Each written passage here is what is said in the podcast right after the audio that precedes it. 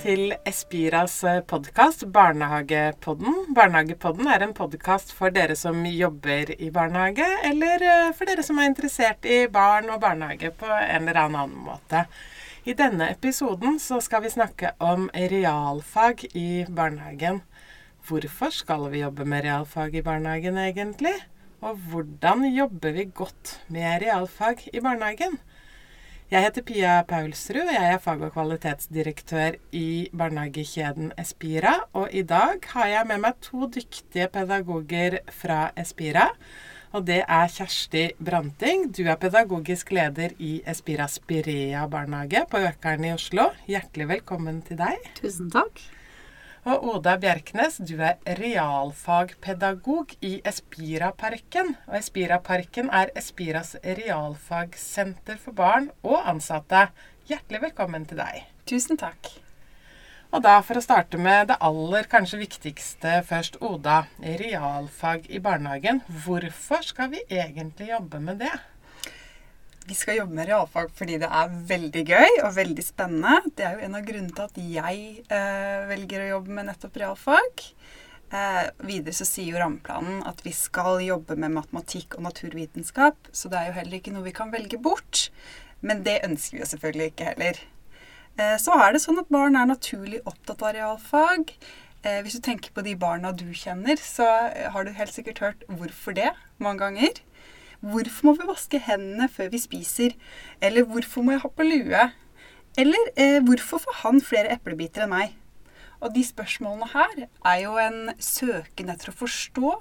Barn ønsker å forstå den verden de lever i. Eh, og det er jo viktig å forstå. Da er vi jo bedre rusta til, til, å møte verden og ta gode valg for oss selv. Så bra. Realfag er viktig for mye, og det er gøy. Men eh, Kjersti, du møter jo barn hver eneste dag i barnehagen din. Og eh, hva er de opptatt av, de barna, når det gjelder nat eh, naturfag og matematikk? Altså realfag. Hva, hva, er det de lurer på? Eh, barn lurer jo på alt mulig. De er kanskje mest opptatt av det som de møter i hverdagen. Eksempelvis kan det være matlaging. De er opptatt av Når vi er ute, så kan de være opptatt av pinner. Eh, for å liksom litt inn på det med matematikk, så, så, er det størrelse på pinner. Da. Det er jo ofte om å gjøre å ha den største pinnen, den lengste pinnen. Eh, og da kan man jo dra inn litt matematikk i forhold til størrelser og tykkelser. Um, og man ja, Barna sorterer og kategoriserer og måler og sammenligner disse pinnene, f.eks. Er det noe annet barn er opptatt av som du møter i barnehagen der, Kjersti? Ja, de er jo opptatt av um, si, ting de egentlig kan undre seg over. Jeg føler at de undrer seg mye. Og andre ting vi gjør, særlig ute kanskje, er hvis man er på tur og, og det er sølepytter, eh, så er de opptatt av eh, om ting flyter eller synker. Som, da kaster de uti pinner og blader og steiner, og så undrer de seg. Spør de hverandre, og spør kanskje oss voksne om flyter den her eller synker den, og så finner vi ut av det sammen.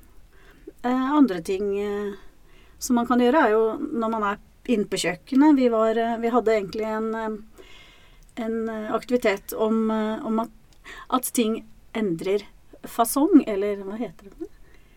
Ting, endringer, rett og slett. Ja, ja Dere hadde et, et temaarbeid om endringer, ja, rett og slett. Om endringer, mm. ja. Um, og vi snakket om først at vann kan bli til is, og is kan bli til vann, og sånn. Uh, og så fant vi ut hvordan kan vi utvikle det litt til å bli andre ting. Og da kom vi på at vi kunne bruke kremfløte eh, som vi pisket, for da endrer jo, endrer jo eh, konsistensen seg på det. Og fargen endrer seg jo òg. Så først så pisket vi til det ble krem. Barna fikk smake, det var veldig stas, og vi snakket om hva vi bruker krem til osv. Så, videre. så fortsatte vi å piske til eh, den fikk helt fast form, og den ble helt gul. Og barna var helt enige om at det lignet på smør. Og så tilsatte vi litt salt og hentet knekkebrød. Og så ble vi jo enige om at vi hadde faktisk laget smør. Det er jo realfag, rett og slett. Fantastisk eh, endring og fantastisk eh, realfagsaktivitet som alle kan eh, gjøre på sitt eget kjøkken og på ethvert barnehagekjøkken. Fordi realfag er jo noe vi kan jobbe med overalt. Og matematikk er jo noe vi kan jobbe med overalt, Oda. Men når vi jobber med matematikk Jeg vet at du er veldig opptatt av matematikk i barnehagen. Hva er det viktigste vi kan gjøre, vi som er voksne, når vi ønsker å støtte barna i matematikkutviklingen? Um, jeg tenker at Det aller viktigste er å signalisere til barna våre at matematikk er et kjempemorsomt og spennende fag. Uh, og alle kan bli gode i matematikk, men vi må gjøre en innsats for å lære oss det. Uh, og det vi ikke kan, det har vi faktisk bare ikke lært ennå. Og det er en slags akseptert misforståelse at noen har matematikk her nå, andre ikke. Matematikk i barnehagen behandler om å utforske faget. Uh, og det vi voksne kan gjøre for å støtte barna i denne utforskningen, er bl.a. å stille barna åpne spørsmål. Uh, og disse åpne spørsmålene stiller vi både for å forstå hvordan barna tenker, um, men også for å gjøre barna bevisste egne strategier, og for å trekke utforskningen videre. Og det her kan være spørsmål som hvordan vet du at det er like mye melk i begge glassene? Eller hva skjer hvis du begynner i den andre enden? Eh, matematikk eh, refereres jo ofte til eh, som et byggestensfag. altså at du legger sten for sten. og hvert tema innenfor matematikken er da en egen stein. Og det her starter allerede i barnehagen. så det som er viktig når vi jobber med matematikk i barnehagen, er jo å begynne på begynnelsen. og det å bruke kjente konkreter. F.eks. da perler eller legoklosser eller baller. Ehm, du kan tenke deg at fire legoklosser, det er helt konkret.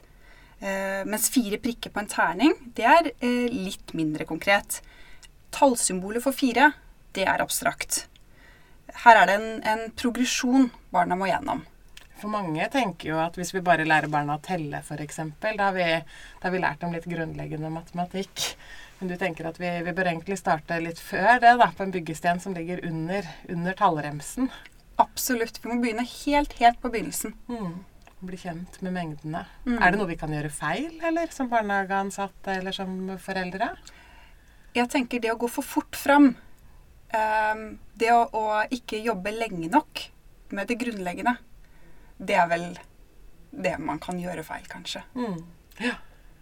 Det er, det er, litt fristende noen ganger å gå litt fort fram, og det er gøy når barn plutselig kan, kan plusstykker og tallremser og sånne ting, men eh, vi skal jobbe lenge med det grunnleggende og det konkrete. Jobbe lenge med det grunnleggende. Jobbe med mengdene før, uh, før du begynner med uh, abstrakte symboler og regnestykker. Mm. Spennende. Veldig spennende. De voksne er jo viktige i realfagene. Eh, og i barnehagen, selvfølgelig, i alt man eh, gjør. Men Kjersti, hvordan legger dere til rette for at realfag blir noe man jobber med hele tiden? At ikke det bare blir eh, noe man tar fram sånn innimellom, eller som en time. som en fagtime. At man jobber med realfag i ja, nesten alle barnehagens eh, situasjoner. Jeg tenker at det er viktig at uh, de voksne er bevisst på, på, hva som er realfag. Og at uh, helt dagligdagse ting som man kanskje ikke tenker på er realfag, faktisk er det. Uh, og så tenker jeg at det er viktig å planlegge det. jeg tenker også at eller vi prøver det i vår barnehage i hvert fall, å legge inn realfagsaktiviteter inn i temaene våre. På den måten som vi ville ha gjort med formingsaktivitet, f.eks. For eksempel. at vi istedenfor å male eller tegne eller klippe og lime, at vi, at vi gjør en, en aktivitet eh, som er enda mer rettet mot realfag, da. Mm. Eh, og så er det jo viktig å ha litt utstyr. Det jo, kan jo være litt vanskelig hvis det er aktiviteter som krever f.eks. Zalo eller potetmel eller sånne ting. At vi har det tilgjengelig i barnehagen. Så man ikke dreper den voksnes interesse for for aktivitetene, da. Mm. For det er jo ganske kjedelig å tenke at det skal jeg gjøre, og så kommer du, og så har du ikke det du trenger.